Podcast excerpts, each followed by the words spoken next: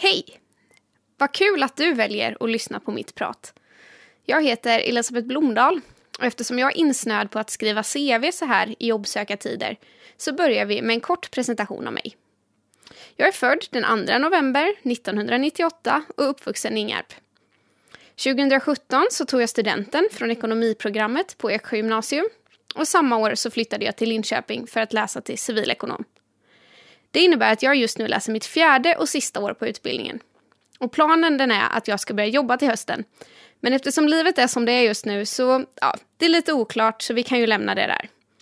I november så flyttade jag och August in i mormors gamla hus på Ingarp 26 och där trivs vi hur bra som helst.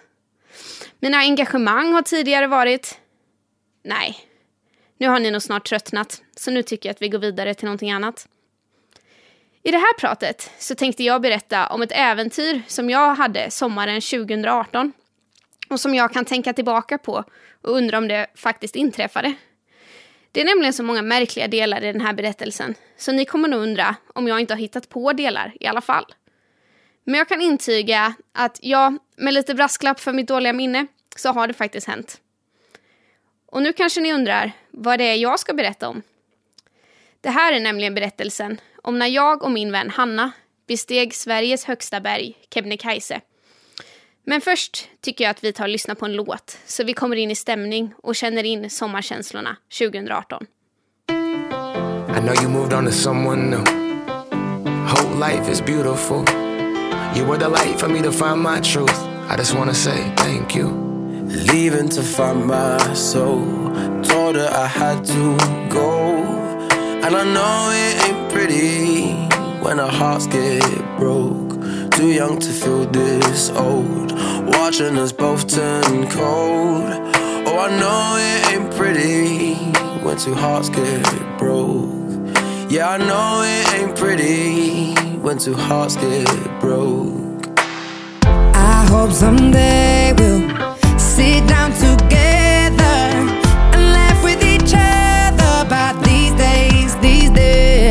Podcast.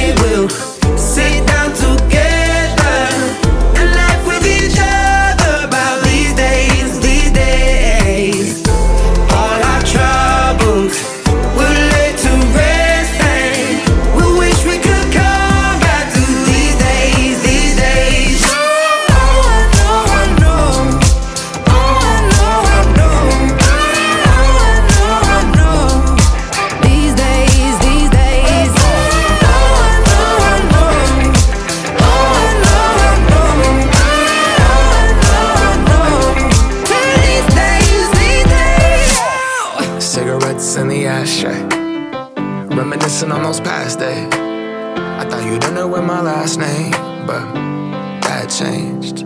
And I traveled around the world, think where you living at now. I heard you moved to Austin, got an apartment and settled down. And every once in a while, I start texting, write a paragraph, but then I delete the message.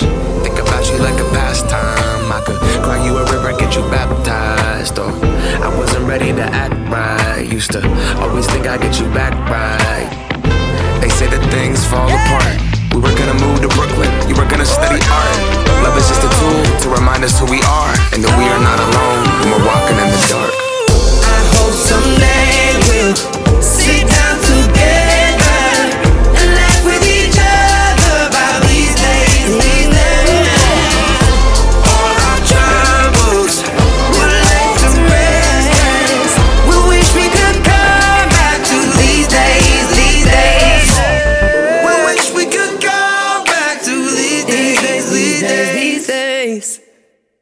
Ja, men hur började då den här historien? Hanna och jag lärde känna varandra under en scoutledarutbildning 2014. Efter ett antal scoutledartävlingar som brukar kallas för ta i så kände vi att det var dags för en ny utmaning. Ja, och Kebnekaise kändes lämpligt.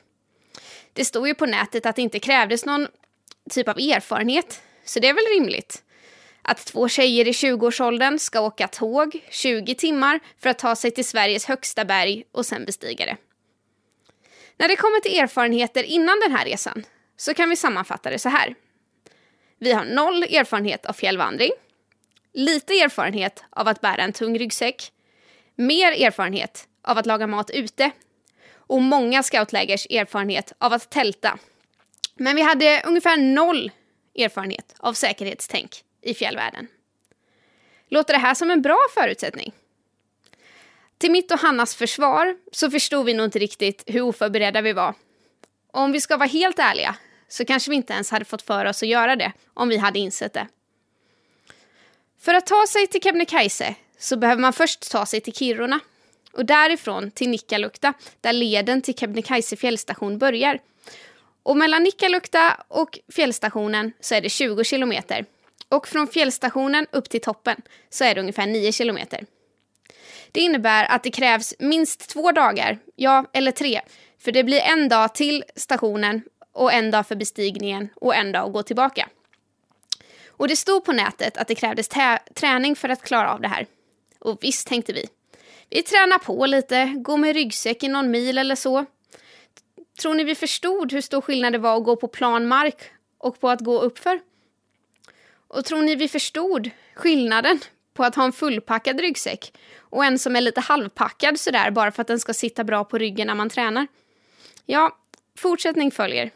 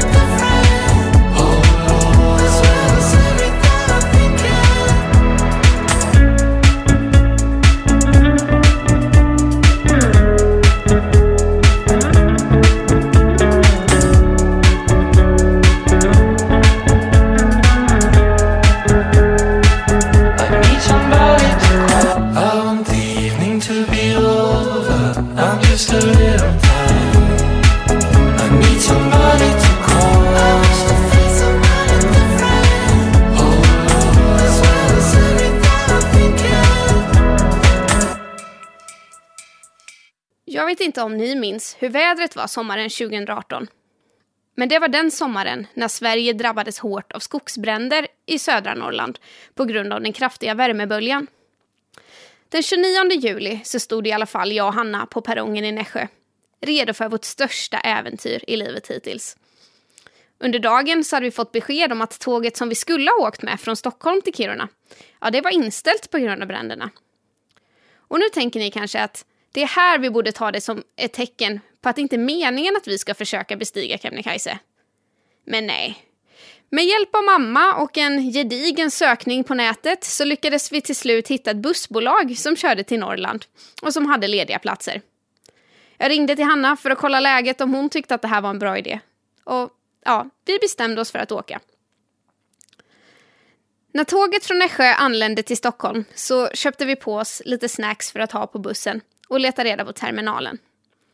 Vid terminalen så möter vi flera vandringsklädda människor med stora kängor och välpackade ryggsäckar.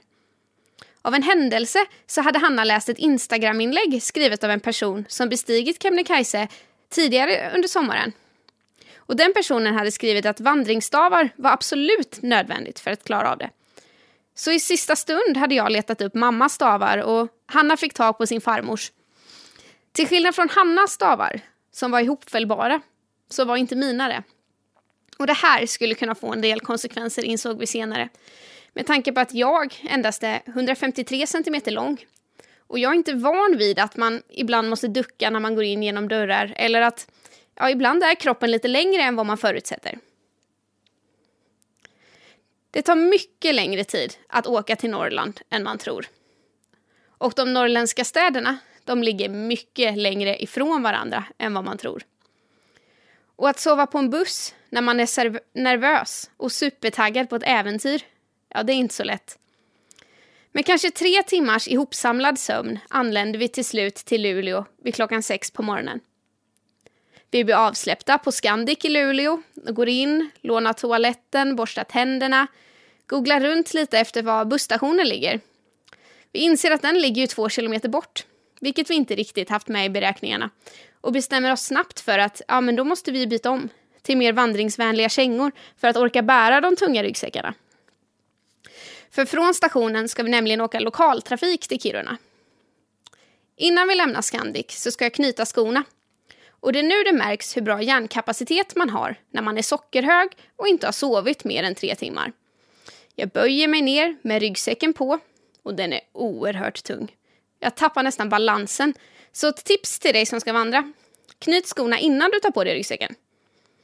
Jag lyckas knyta skorna och på vägen upp så fastnar jag någonting.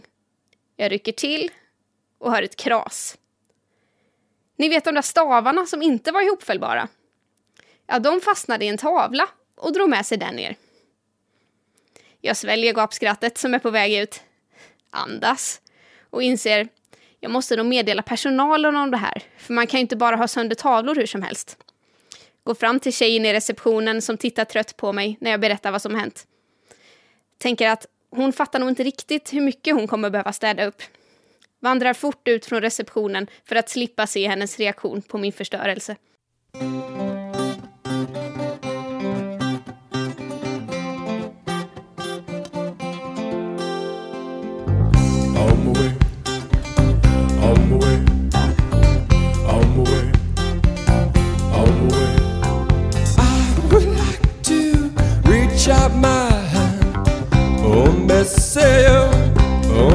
Tell you to run. On my way, on my way. Movity say, movity on. Well, pick me up with golden hand. Oh, me say, oh, me tell you to run. On my way, on my way. Movity say, movity on. Well,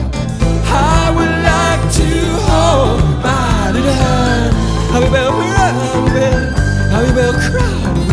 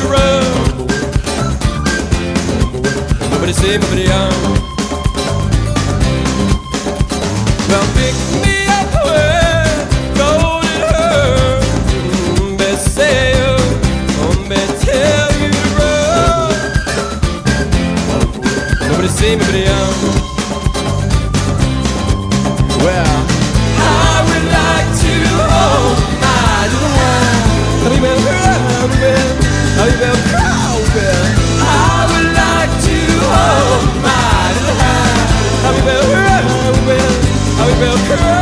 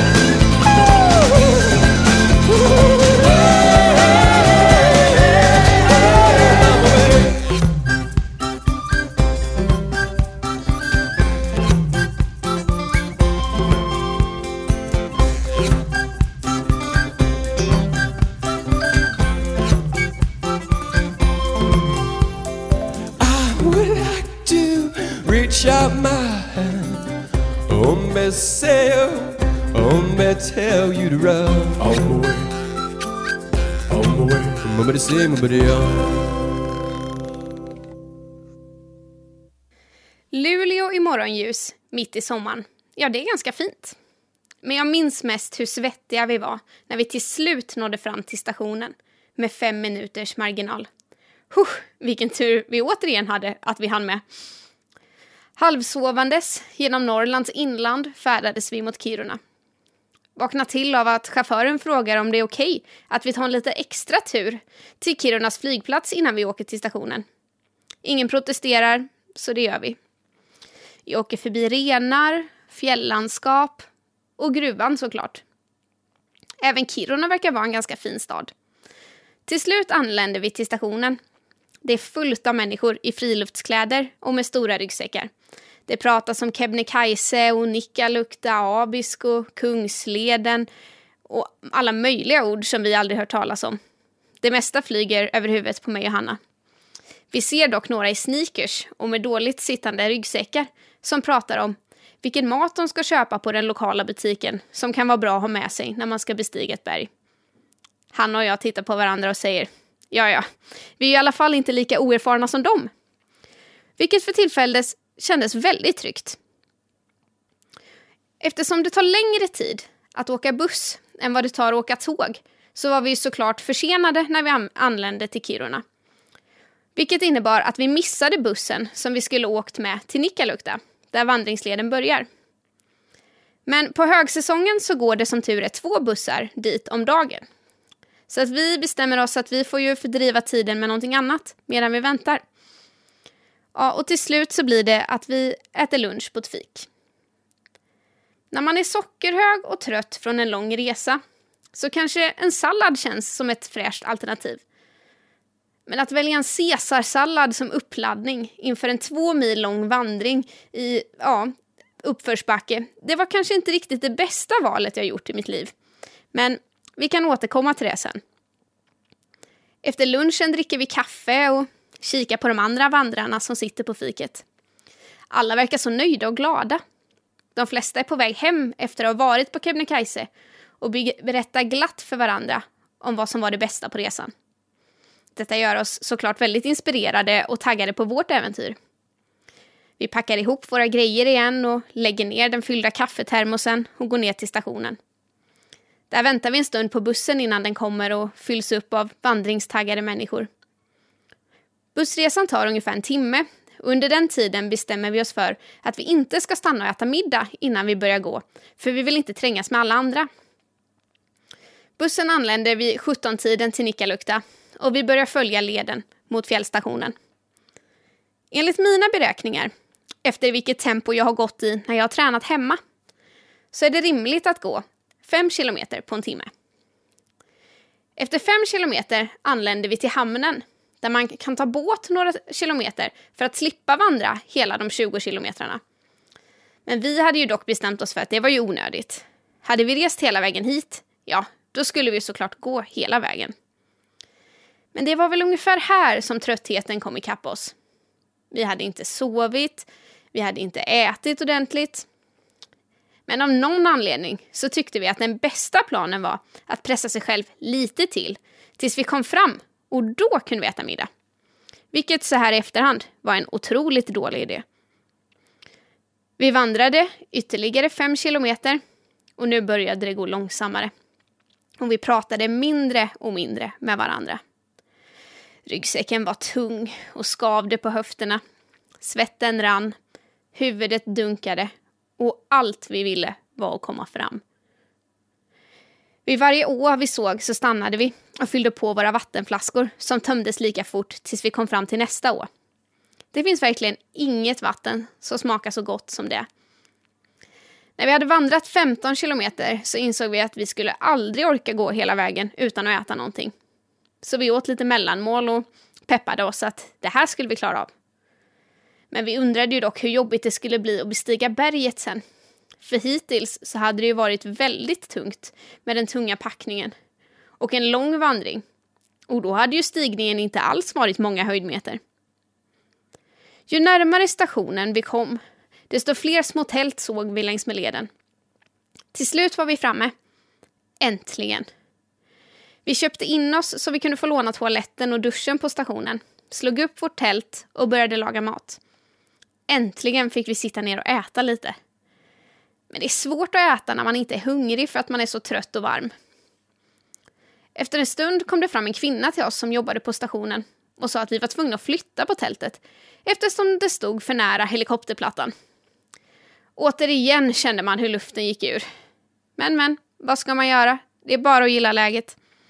Vi packade ihop tältet, släpade med oss grejerna längre bort där vi hittade en liten ledig gräsplätt. Och den låg ju i en uppförsbacke.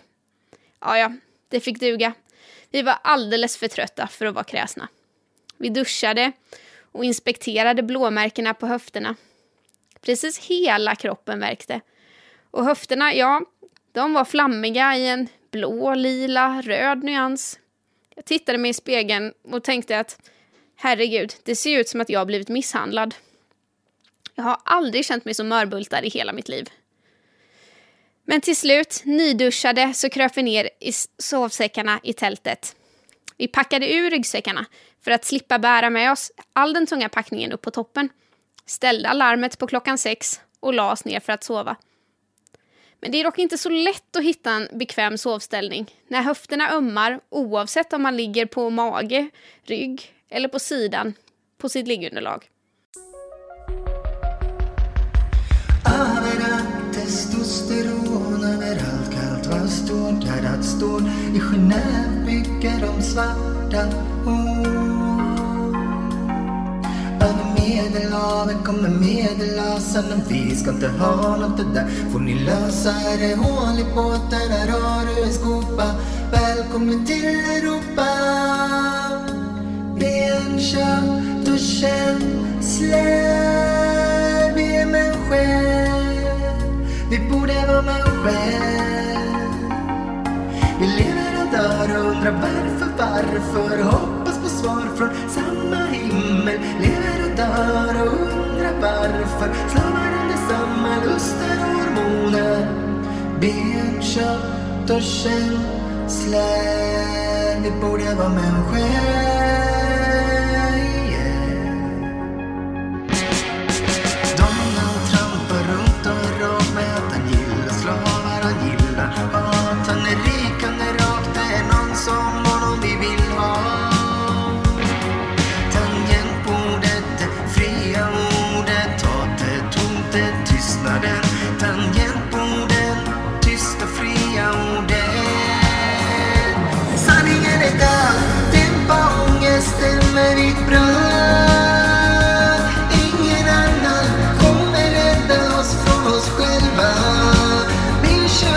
Tusen gifter i allt du äter Plast genom varje livmoder. Om gräset är brunt, målar det grönt Bygg högre skorsten så slipper du ha rök Jag är sjuk.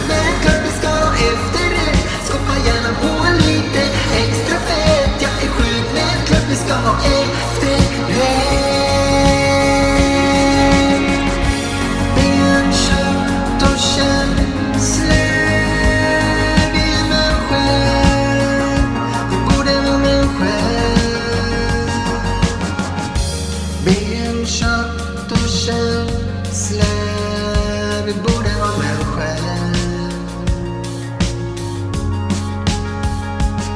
I den här ankdammen där alla har varit med varann och är drabbade av samma vilja att vara annorlunda. Du kom fram och log och jag dog lite grann. Det är det svåraste man kan och du till och med skrattar ibland. Det svåraste man kan och våga le mot någon annan och till och med skratta ibland. Eller så är det vanligt men jag ser det aldrig för jag har alltid blicken i gatan när jag går runt, runt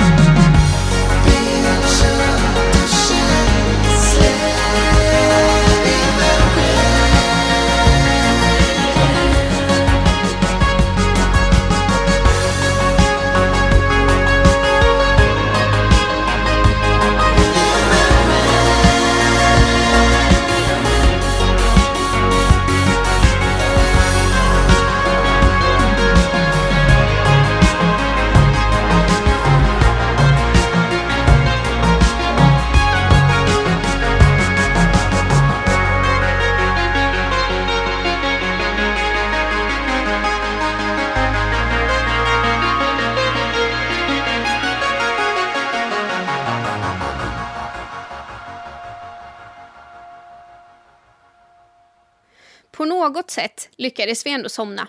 Och nästa morgon vaknade vi. Förvånansvärt utvilade. Det är ju fantastiskt hur snabbt och bra kroppen återhämtar sig, sa Hanna när vi kravlade oss ut ur tältet. Och ja, hon hade rätt.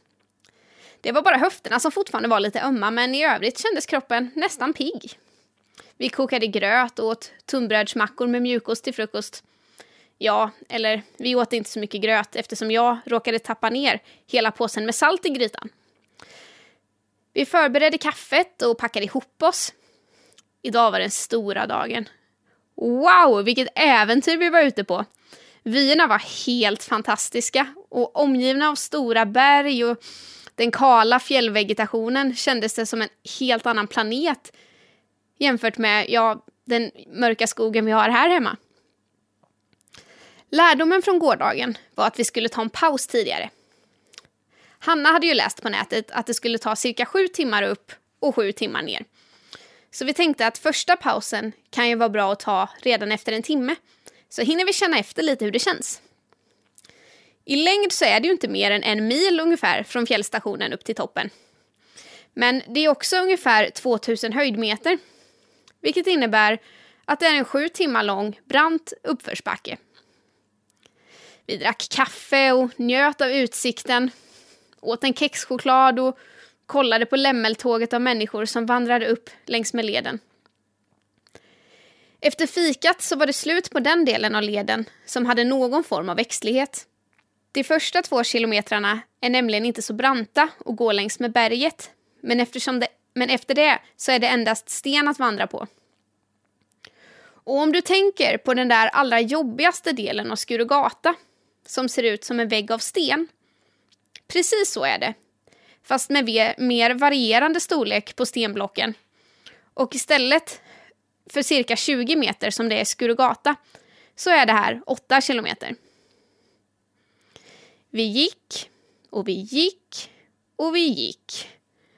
Kände med stavarna om stenarna var lösa eller om de låg någorlunda fast så man kunde kliva på dem. Efter cirka tre timmars vandring så började vi undra om vi överhuvudtaget hade kommit någonstans. Allting såg ju likadant ut och det fanns inte något spår av toppen. Vi knotade på och började fundera på om vi ens skulle orka det här. Benen värkte, armarna värkte, höfterna pulserade efter gårdagens blåmärken.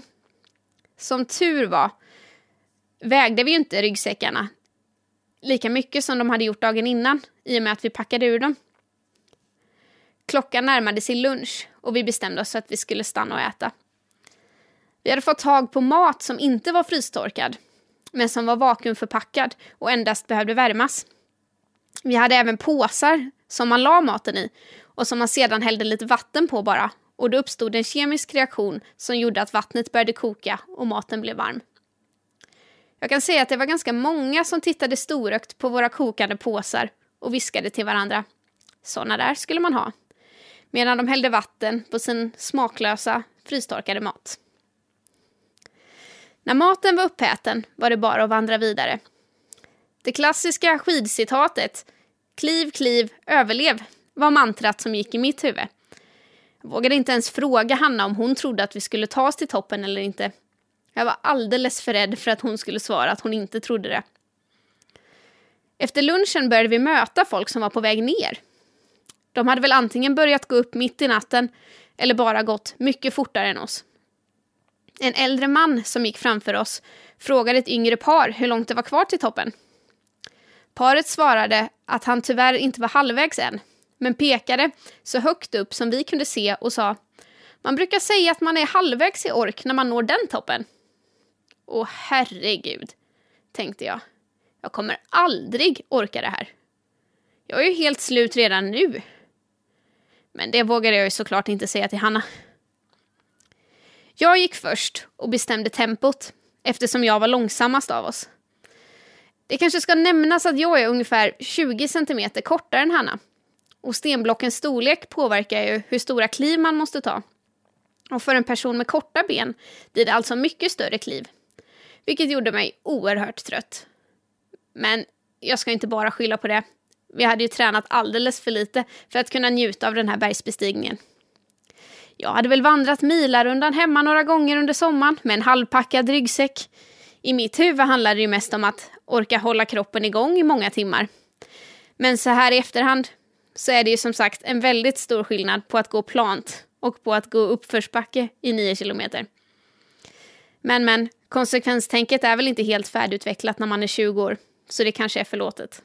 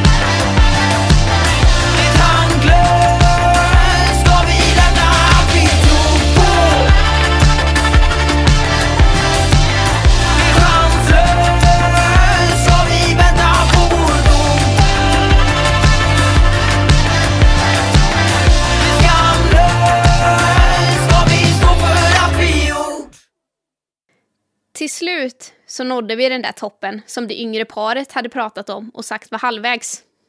Yes, vi är halvvägs. High five! Sa vi strax innan vi nådde krönet och började fundera på vad som skulle komma efter toppen. Svaret kom som ett slag i magen när vi insåg nästa oändliga topp som vi skulle upp på. Och då såg vi inte ens den snöklädda toppen som vi egentligen hade sikte på.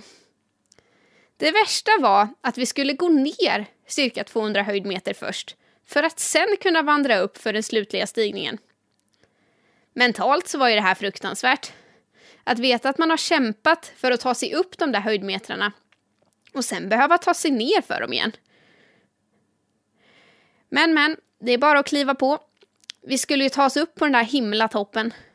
Mamma hade ju dessutom delat en bild av oss på Facebook där hon skrivit att vi skulle bestiga Kebnekaise. Så det vore ju pinsamt att komma hem och berätta att vi hade misslyckats. Första tio metrarna nerför toppen kändes lätta. Skönt att använda lite andra muskler. Den tanken bytte snabbt ut till panik när jag insåg att hela vandringen ner skulle ju bestå av det. Jag kommer inte ha några knän kvar när vi tar oss ner för den här toppen. Men vi kan återkomma om konsekvenserna för mina knän senare. När vi väl kom ner i dalen, som kallas för Kaffedalen, såg vi att andra hade lämnat sina ryggsäckar där inför den sista biten upp till toppen. Vi följde deras exempel. Spände fast vattenflaskorna i byxorna och tog med första hjälpen-kittet. Sen satte vi fart mot toppen. Ja, eller fart. Vi gick och gick och gick och gick och mötte människor i alla åldrar och ett ganska stort antal hundar faktiskt. Hälsade på med människorna som var på väg ner och fick energi genom deras leenden som de gav oss. Det kändes som att berget aldrig tog slut. När ser man toppen egentligen? Finns den ens? Och var kommer alla dessa människor ifrån? Till slut såg vi en liten hytta. Och den visste jag skulle ligga ganska nära toppen. Nu du Hanna, nu är vi snart i mål. Blicken fäst i marken för att inte bli förknäckt av att toppen aldrig dyker upp. Men till slut såg vi den. Lite som en snödoppad sombrero. Sveriges högsta punkt. Alltså den är ju inte mycket till att skryta över om man jämför med resten av världen. Men i Sverige så går det ju inte att komma längre upp. Så lite häftigt är det. Så vad ska jag säga om toppen? Det tog oss nio timmar att ta oss dit. Och det var väl ändå en seger att vi slutligen nådde dit. Wow, vi tog oss dit trots att hela kroppen gjorde ont och skrek att vi skulle sluta. Men den allra högsta punkten, på toppen av Kebnekaise, det är en liten glaciär som smälter mer och mer för varje år. Och för att kunna stå på den där allra högsta punkten så behöver man ha stegjärn på sig. Vilket är lite som grövre broddar. Och det hade ju inte han och jag. Men vi hade ju som tur var förstånd till att inte försöka ta oss upp dit utan stegen, För då finns ju risken att man glider ner. Och då finns ju ingenting som tar stopp. Men vi stod i alla fall på toppen, ja, så långt det gick att ta sig utan stegen. Vi tog lite bilder för att bevisa att vi hade varit där. Men vi tog dem åt andra hållet, så den lilla toppen som vi inte var uppe på inte syntes. Vi kollade ut över den oändliga utsikten där man inte ser någonting annat än bergstoppar och snö. En häftig vy. Men jag har fortfarande inte bestämt mig för om själva utsikten är värd bestigningen. Det är liksom inte så svårt att googla fram bilder och slippa utsätta sig för den fysiska utmaningen som det är att bestiga toppen.